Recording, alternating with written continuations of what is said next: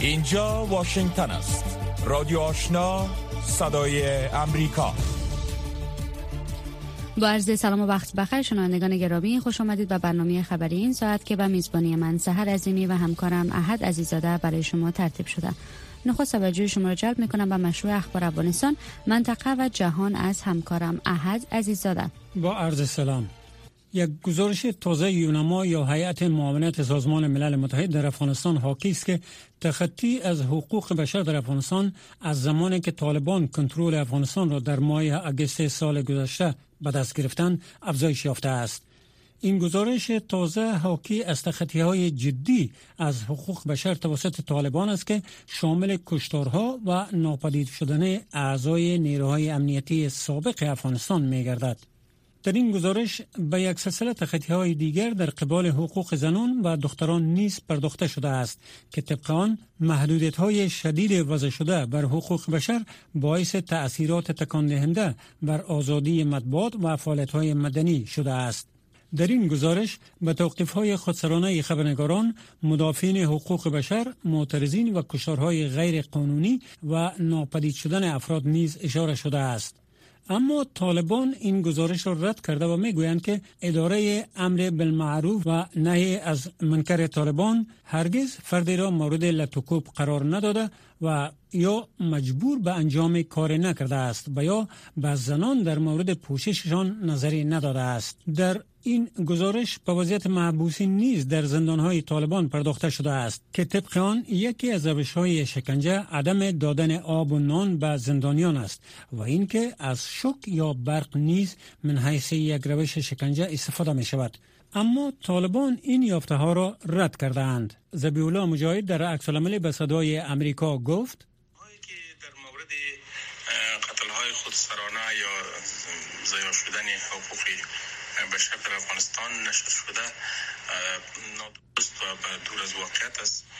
حقیقت امری است که متاسفانه بعضی می نهادهایی که را را نشر می‌کنند به شمول یوناما. آنها همیشه در راپورهای خود از دقت کار نمی‌گیرند به اساس معلومات نادرست شایعه ها یا پروپاگان هایی که علیه ما اسلامی به میفته و مو اساس آمار خود را ترتیب میدن. و متاسفانه باز از نهاد بسیار مهمی را اعلان می‌کنن. این آمار درست نیست. مورد گرفتاری خودسرانه اصلا اجازه نیست. بعد از اینکه امارات اسلامی افغانستان به تمام کشور تسلط یافته. هیچ مورد خودسرانه ای را ما نداریم اگر ثابت شود عاملین گرفتار خودشان زندانی میشن و پنجه قانون سپرده میشن در گزارش یونما آمده است که تعداد تلفات ملکی در طول این مدت زمان به دلیل کم شدن جنگ های مسلحانه کاهش یافته است. گزارش تازه سازمان ملل متحد که دیروز شنبه به نشر رسید حاکی است که ایمان الزواهری رهبر القاعده هنوز زنده است و شبکه القاعده هنوز هم با طالبان رابطه نزدیک دارد. در این گزارش آمده است پس از به قدرت رسیدن طالبان در افغانستان رفاه ایمان الزواهری زیاد شده و رابطه او با دیگر اعضای شبکه القاعده تقویت یافته است. و طبق اطلاعاتی که کشورهای عضو سازمان ملل متحد تشریک کردند اتحاد میان شبکه القاعده با طالبان همچنان قوی است. طبق این گزارش اعضای شبکه القاعده در جنوب و شرق افغانستان محلی که این گروه در گذشته نیز دان فعال بوده حضور دارند و رهبران این گروه در غرب افغانستان و در ولایت فراه و هرات به سر می‌برند. در این گزارش تذکر داده شده است که شبکه القاعده خواهان ایجاد یک مرکز در شمال افغانستان است و مصروف جلب و جذب نیروها بوده و به منابع زیادی نیز دسترسی پیدا کرده است.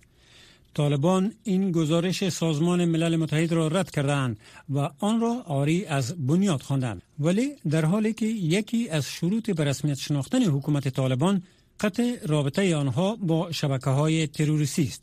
طالبان علنا تا کنون شبکه القاعده را تقبیه نکرده و در گذشته نیز گزارش ها حاکی از روابط میان این دو گروه بوده است نت پرایس سخنگوی وزارت خارجه ایالات متحده دیروز سه شنبه در کنفرانس مطبوعاتی در مورد ملاقات میان هیئت ایالات متحده با طالبان در قطر معلومات داد و طبق گفته های این مقام وزارت خارجه امریکا این مذاکرات هنوز جریان دارد و ایالات متحده با طالبان و آنچه دیگر شرکای ایالات متحده در منطقه ذکر شده کار می کند تا به موضوعاتی که روی آن بحث می شود رسیدگی صورت گیرد. نت پرایس سخنگوی وزارت خارجه ایالات متحده گفت صحبت ها هنوز جریان دارد. ما به صورت روی رسیدگی به نگرانی ها در مورد استفاده از 3.5 میلیون دلار سرمایه بانک مرکزی افغانستان کار می‌کنیم. تا مطمئن شویم و ببینیم که به مردم افغانستان منفعت میرساند نه به طالبان. ما با افغانها و شرکای محلی در سطح تکنیکی کار می‌کنیم تا به موضوعات مرتبط به اقتصاد که به باور ما ثبات مورد نیاز و مؤثر را در پاسخ به بحران بشری کنونی ارائه می کند رسیدگی صورت گیرد. این امر اکثر موضوعات را که باعث تشدید این بحران بشری که ما امروز شاهد هستیم حل خواهد ساخت. مذاکرات جریان دارد و به مجرد آن که ما معلوماتی دریافت کنیم آن را با شما در میان خواهیم گذاشت. پرایس این نظریات را در حال ابراز داشت که تاکنون مکانیزم مشخصی روی ارائه این پول به افغانستان ارائه نشده است. ایالات متحده روز سه شنبه افغانستان، روسیه، ایران، کیوبا، میانمار و شمار دیگری از کشورها را در فهرست کشورهای درج کرد که در آن قاچاق انسان و کار اجباری صورت می گیرد و نیروهای این کشورها از کودکان سربازگیری می کنند. بر اساس این گزارش در کشورهای نام برده علاوه بر قاچاق انسان سکتورهای وابسته به حکومت مردم را مجبور به کار اجباری می کنند در کمپ های مربوط به این حکومت ها غلامی جنسی اعمال می شود و از کودکان من حیث سرباز کار گرفته می شود در این گزارش آمده است که تهاجم نظامی روسیه بر اوکراین میلیون ها اوکراینی را معروض به قاچاق انسان کرد و شهروندان آن مجبور به ترک کشورشان شدند. در این حال ند پرایس سخنگوی وزارت خارجه امریکا به روز شنبه به خبرنگاران گفت که امریکا تلاش می کند تا قاچاقبران انسان مورد پیگرد قرار بگیرند. قربانیان قاچاق انسان محافظت شوند و از جرایم مرتبط به قاچاق انسان جلوگیری شود. پرایس گفت که موجودیت فساد اداری در کشورهای مختلف یکی از عوامل عمده قاچاق انسان است. زیرا مقام های فاسد از قاچاقبران انسان رشوت می‌گیرند و شرایط قاچاق انسان را برای آنان فراهم می کنند و در این حال مرتکبین قاچاق انسان از مسئولیت برخوردارند. چند زلزله از زیر و بدین سو در ولایت پکتیکا با است. رئیس صحت عامه طالبان در ولایت پکتیکا می‌گوید که از روز دوشنبه بدین سو چندین تکان پیهم زلزله در ولسوالی های گیان و برمل احساس شده است. ولی تا کنون در مورد تلفات جانی و زیان های مالی این واقعات جزیات دادن نشده است. رئیس صحت عامه پکتیکا می خواهد تا یک تیم فنی برای بررسی به منطقه اعزام شود و وضعیت مردم را مشخص کند. در زلزله نیرومندی که در ماه جون در پکتیکا و خوست با وقوع پیوست بیش از یک هزار تن جان باختند و صدها تن دیگر زخم برداشتند. دفتر مفتش ویژه ایالات متحده برای بازسازی افغانستان یا سیگار در گزارش تازه می‌گوید که پس از تسلط طالبان بر افغانستان در ماه اگست سال گذشته وضعیت بشری در این کشور به وخامت گرایده است. در این گزارش آمده است که 22.8 میلیون افغان نیاز فوری به مواد خوراکی دارند. سیگار این معلومات را با استناد به اسناد اداره کمک های بشر دوستانه وزارت خارجه امریکا نوشته است. این گزارش می که این نیازمندی به مقایسه سال گذشته دو برابر شده است. در این گزارش آمده است که تعداد بیجا شدگان داخلی افغانستان که به دلیل جنگ ها در ماه اگست سال 2021 به 670 هزار می رسید اکنون به 710 هزار نفر افزایش یافته است. ادامه اخبار از رادیو آشنا صدای امریکا امروز چهارشنبه مامورین اطفایه مصروف خاموش کردن دو حریق در جنوب غرب فرانسه بودند و می‌گویند که به دلیل بهبود وضعیت هوا قادر گردیدند تا این حریق ها را مهار سازند طبق معلومات مقامات محل وساعت این حریق ها بیش از 20 هزار هکتار زمین را در بر می‌گیرد و از هفته گذشته بدین سو 37 هزار نفر مجبور به تخلیه مناطق خود شدند. مامورین اطفای می‌گویند که با کاهش دمای هوا که به 40 درجه سانتیگراد رسیده بود آنها قادر شدند تا این حریق ها را مهار سازند پلیس محل در رابطه با چگونگی آغاز حریق بزرگ در منطقه بغدا یک مزنون را توقیف کرده است و انتظار می رود که این فرد امروز یا متهم به این اتهامات گردد و یا از بند رها شود. یک منبع نظامی در عراق می گوید که امروز چهارشنبه در تهاجم در منطقه منزوی در شمال بغداد شش پلیس کشته و هفت تن پلیس دیگر مجروح گردیدند. طبق معلومات مقامات امنیتی عراق حدود ده الی 15 جنگجوی گروه داعش یا دولت اسلامی بر این مرکز پلیس در نیمه شب حمله کردند و این حمله حدود یک ساعت به طول انجامید. حملات مشابه پراگنده توسط گروه داعش در برخی مناطق عراق محلی که در آن این گروه در سال 2017 شکست خورده بودند صورت می‌گیرد که آخرین حمله عمده از این نو که مسئولیت آن را گروه داعش به عهده گرفته است این در حال است که 2500 نظامی امریکایی و 1000 عسکر ائتلاف از سال 2022 بدین سو در عراق من حیث مشاورین و آموزش دهندگان نیروهای عراقی حضور دارند. و خبر اخیر اردوی چین روز چهارشنبه گفت که عبور یک کشتی ایالات متحده در تنگه تایوان تحریک آمیز است زیرا این کشور به طور مکرر در این منطقه اقدامات خطرناک امنیتی انجام می دهد.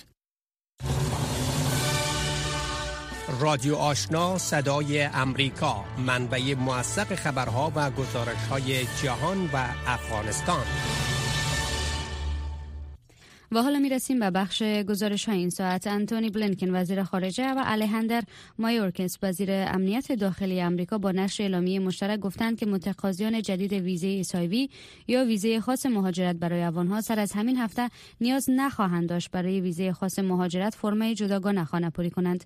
این تلاش ها برای تسهیل پروسه درخواست ویزا برای افغانها در نظر گرفته شده است. با این حال یک وکیل مهاجرت در نیویورک می‌گوید سیاست های واشنگتن پیشبرد پروسه اقامت بشری و این ویزا را تحت تاثیر قرار داده که باعث می شود مراحل اجراعات ویزا طول بکشد. جزت بیشتر از ژیلا نوری. وزارت خارجه و وزارت امنیت داخلی ایالات متحده اعلام کردند که برای تسهیل روند ویزای سایوی سر از این هفته درخواست کنندگان نیاز ندارند. برای ویزای خاص مهاجرت فرمه های جداگانه را خانه کنند.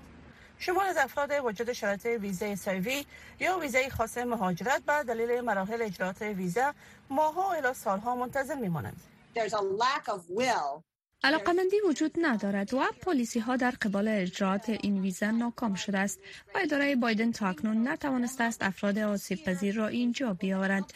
کسانی که طی سالها برای امریکایی ها کمک کردند خانواده این افراد اسایوی در خطر جدی قرار دارند و حکومت طالبان اعضای باقی مانده خانواده آنها را در افغانستان با عنوان جاسوس یا خائن می شمارند این روند جدید که به منظور مسئله ساختن این برنامه روی دست گرفته شده است. گفته می که در حذف موانع و کاهش میاد زمان درخواست ها کمک خواهد کرد.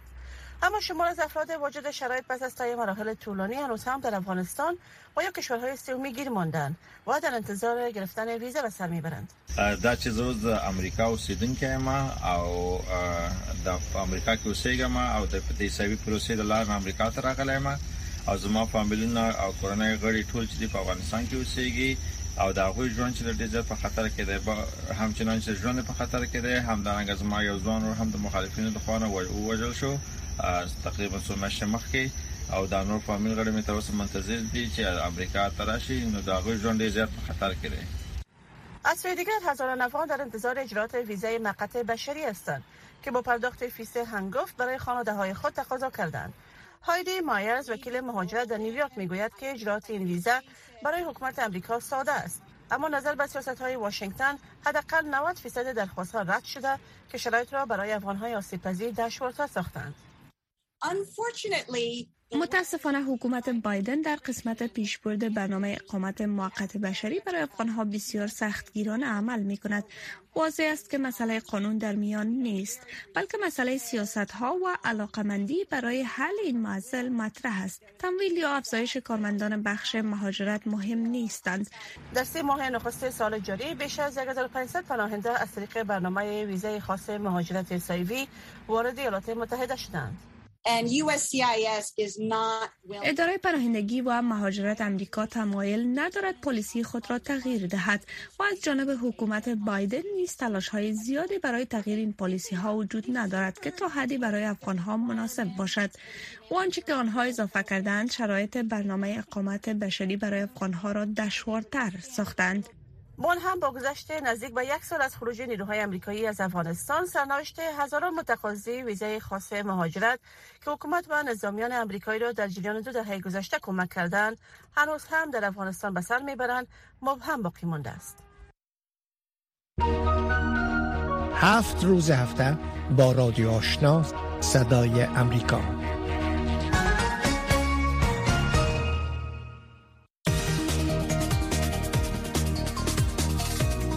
صدای امریکا رادیو آشنا صد پنج اف ام.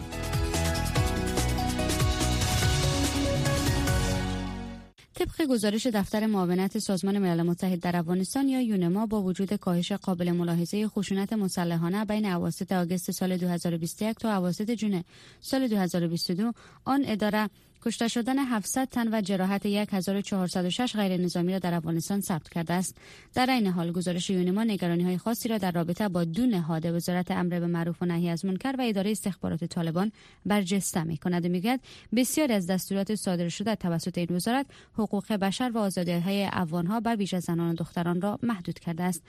در این رابطه همکارم نسرین محمود عزیزی مصاحبه با اسحاق اتمر انجام داده که با سخنان آقای اتمر در رابطه به چگونگی جلوگیری از نقض حقوق بشر توسط طالبان آغاز می شود. طالبان به او فکر نیستند که اینا مؤسسات مثل مؤسسات حقوق بشری را اجازه بدن تا که در مورد تخطی های خود از اینا او را ثبت کنند و او را ریکارد کنند او را به مراجع بینالمللی گزارش بده من به این باور هستم که طالبا در مجموع تمام موارد حقوق بشری را و تمام نظام حکومت خودشان راجع می سازند به شریعت اسلامی. و به نظر از اونا هر چیزی که مخالف شریعت اسلامی که البته روایت خودشان باشد او قابل قبول و ارزش داره پیشان در خیر زندگی. و این ترتیب من فکر می‌کنم که موارد بیشمار در مورد تخطی حقوق بشر در طول کمتر از یک سال و ثبت رسیده در زمان حاکمیت طالبا ولی تا به این روزم تمام گزارش ها را سخنگویان طالبا رد می‌کنن و او را قبولم نمی‌کنن به اساس گزارش یونما مواردی از مجازات ظالمانه و غیر انسانی و تحقیرآمیز از زمان تسلط طالبان بر افغانستان توسط این گروه ثبت شده و نظر شما برای جلوگیری از سوی استفاده از قدرت چه کارهایی می‌تونه که انجام شود؟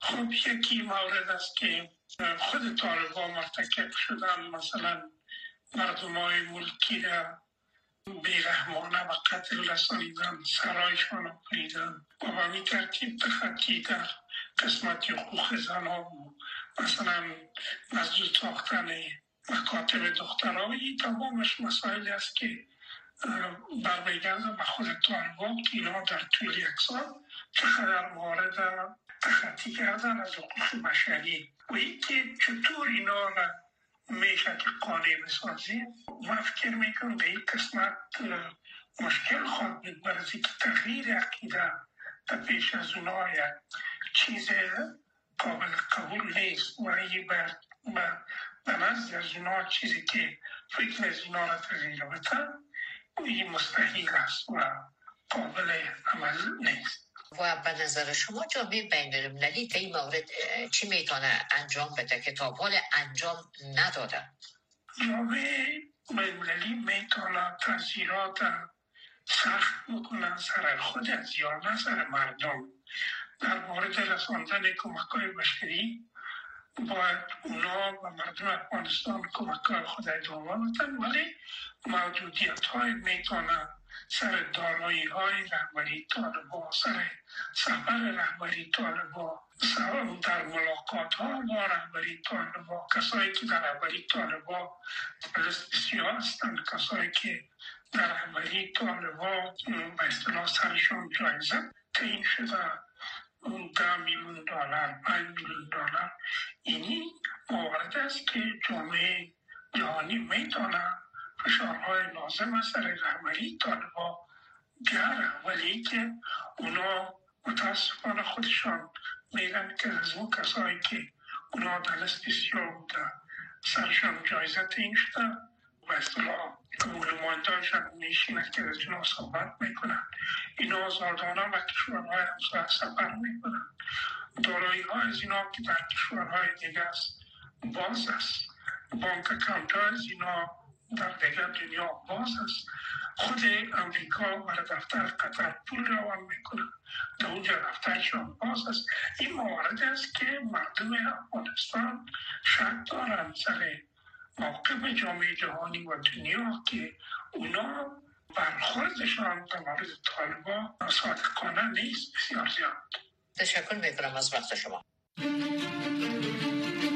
روکو راست صحبت های داغ صاحب نظران در مورد خبرها و مسائل روز هر شام از ساعت 8 تا 9 شب در برنامه مشترک دری و پشتوی رادیو آشنا صدای امریکا بخش زنده این برنامه را در نشرات ماهواره صدای امریکا نیز دنبال کرده می توانید.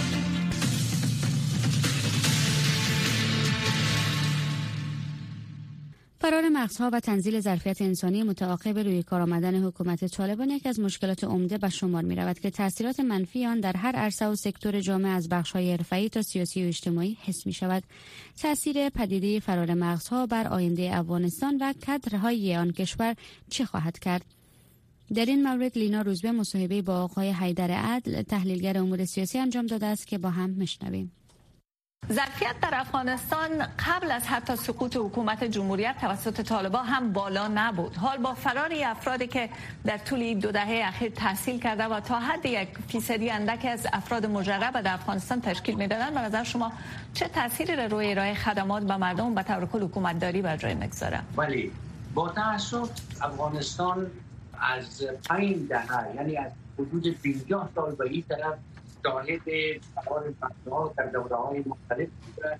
و متاسفانه تا جایی که همه آگاهی دارن حدود 97 فیصد مردم افغانستان تا 20 سال قبل اصلا سواد نداشتن. در حدود 3 یا 5 فیصد مردم که با سواد بودن نانقدر ایفا می‌کردن اما معصر در جامعه قدر نبودن. اما در سال اخیر تلاش بیشتر در جهت بالا بردن سطح آگاهی ارتقای سطح مسلکی مردم در گرفت مکاتب پاهنتون ها ایجاد شد و بیشتر از سی یا چل درصد مردم دانستن که تحصیل بکنن آموزش های مسلکی بگیرن اما متاسفانه با آمدن طالبا این حالت و این مسئله یک بار دیگر یک نوع فاجعه بار آورد با اونهایی که توانمندی های مسلکی داشتن با آمدن طالبا از کشور فرار کردن و یک تعداد دیگر هم متاسفانه از طریق کشورهای عضو ناتو که تحقیل در قضایای افغانستان بودن اینا هم همکاران خود که تحصیل یافته ها بودن لسان میفهمیدن و حتی در با چند لسان خارجی بلدیت داشتن اینا را هم متاسفانه از افغانستان بیرون کردن حالا. افغانستان در فقر مسلکی قرار دارد که ای از لحاظ فرهنگی سیاسی اجتماعی بله. کشور به نهایت اثر منفی دارد و مردم در یک حالت بلا تکلیفی قرار دارند که نمی‌دانند چی بکنند بله. این می‌تونیم در یک کلمه بگوییم که فاجعه قرن است در بله. خب در حال حکومت طالبان تا سه هفته دیگه یک ساله میشه حکومت در هر سکتور از ارائه خدمات به مردم ناکام مانده چرا که جنگجویان از این اکثرا بی سواد هستند. ولی حکومت طالبان می‌خواد به نوع برخی از کادرهای حرفه‌ای را دوباره مقامات را به افغانستان باز بگردانه به نظر شما ظرفیت حکومت طالبان را شما چطور ارزیابی می‌کنین در عرصه حکومت داری در افغانستان؟ با تاسف در طول 11 ماهی که ما شاهد هستیم هیچ نوع انکشاف در عرصه های مختلف چی از اجتماعی چی سیاسی و مسئله نداشته و اینها یک طرف فشارهایی را برای مردم افغانستان وارد می‌کنند. اون تعداد هم تا امروز باقی ماندن بر منفوذات یا امکانات مالی و مالی نداشتن در افغانستان کرد. اونا هم آهسته آهسته با تلاش ها می‌خواهند استفاده ترک کنند این راه بدون رفت نیست. مثلا ما شاهد هستیم جامعه جهانی در این روزهای اخیر اعلان کرد که در طول یازده ماه حداقل ما 26 سارنوال مسئله در های فعال بودن و کار کردن در ولایات مختلف اینا نابود کردن نابود کردن و از بین بودن همینطور در بخش اردو و بخش های دیگه. اینها بله. هم باعث از این میشه که مردم از ترس فرار بکنن و هم دولت ندارن. شما تاثیر طویل المدت این مسئله را در حال که طوری که گفتین حکومت طالبان از همکنون در سکتور اقتصادی مالی حتی صحی رسیدگی به زلزله زدگان در ولایت مختلف ناکام مانده چی خواهد بود؟ به نظر شما در آینده افغانستان در این سکتورها با چه های مواجه خواهد شد به دلیل فرار مغزها و کادرهای مجرب؟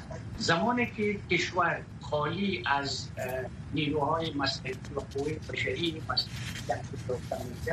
در اونجا یگانه چیزی که بیشتر می‌تونه رشد بکنه مسئله افراطیت و بعد از تروریسم است. این به نهایت خطرناک است نه تنها برای مردم افغانستان بلکه برای همسایه ها و منطقه و حتی جهان. اگر طالبا به این شیوی که تا امروز ادامه دادن بیشتر ادامه بدن و نتونن جلوی خودکامگی های افراد و اشخاص را که در رأس قدرت ها امروز زیر نام ملا و مجاهد و امثال از اینا قرار دارن جلو از اینا را نگیرن واضح هست که افغانستان به طرف افراطیت و در نهایت به طرف تروریسم میره که در اون حالت کشور ما به لانه تروریست در آن تبدیل هفت روز هفته با رادیو آشنا صدای امریکا. امروز چهارشنبه مامورین اطفائیه که مصروف خاموش کردن دو حریق در جنوب غرب فرانسه بودند گفتند که به دلیل بهبود وضعیت هوا قادر شدند این آتش ها را مهار کنند.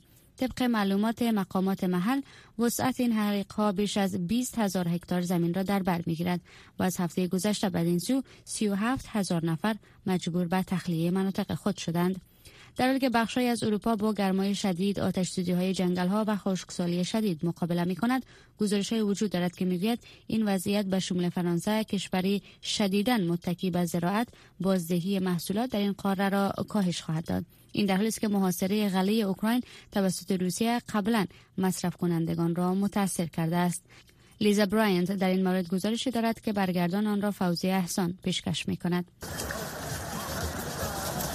صدای جوانان است که روز سهشنبه در اطراف آبشار در پاریس به تفریح پرداختند جایی که گرمی هوا به 37 درجه سانتیگراد رسیده بود. عملی اطفایه در جنوب غرب منطقه ژغون در تلاش خاموش کردن شعله های عظیمی اند که هزاران هکتار زمین را تخریب کرده و شهر تولید کننده واین بردو را دود آلود نموده است.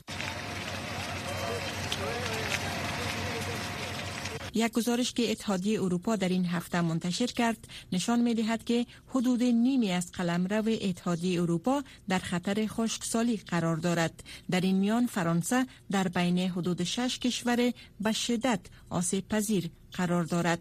هوای خشک برخواسته از آتش سوزی طبیعت را متاثر نموده و پیش بینی شده که تولید غذا و انرژی را اخلال خواهد کرد این در حالی است که تاثیرات جنگ اوکراین قبلا در این دو منطقه محسوس بوده است شعبه اجرایی اتحادیه اروپا پیش بینی کرده است که تولیدات غلات در سراسر اتحادیه اروپا در سال جاری نسبت به سال گذشته کمتر و در حدود 2.5 فیصد خواهد بود. در این حال بسیاری ها انتظار وضعیت بدتر از این را دارند و به اساس پیشبینی دانشمندان علوم طبیعی امواج گرما و خشکسالی در اروپا بسیار مکرر و شدید خواهد بود. یک زاری از منطقه علب به تلویزیون فرانسه گفت او بین دارد که کمبود آب سبب ممنوعیت آبیاری در هفته های آینده شود که به گفته وی اگر این مسئله رخ بدهد برای مناطقی که کشت شده مصیبت به بار خواهد آورد.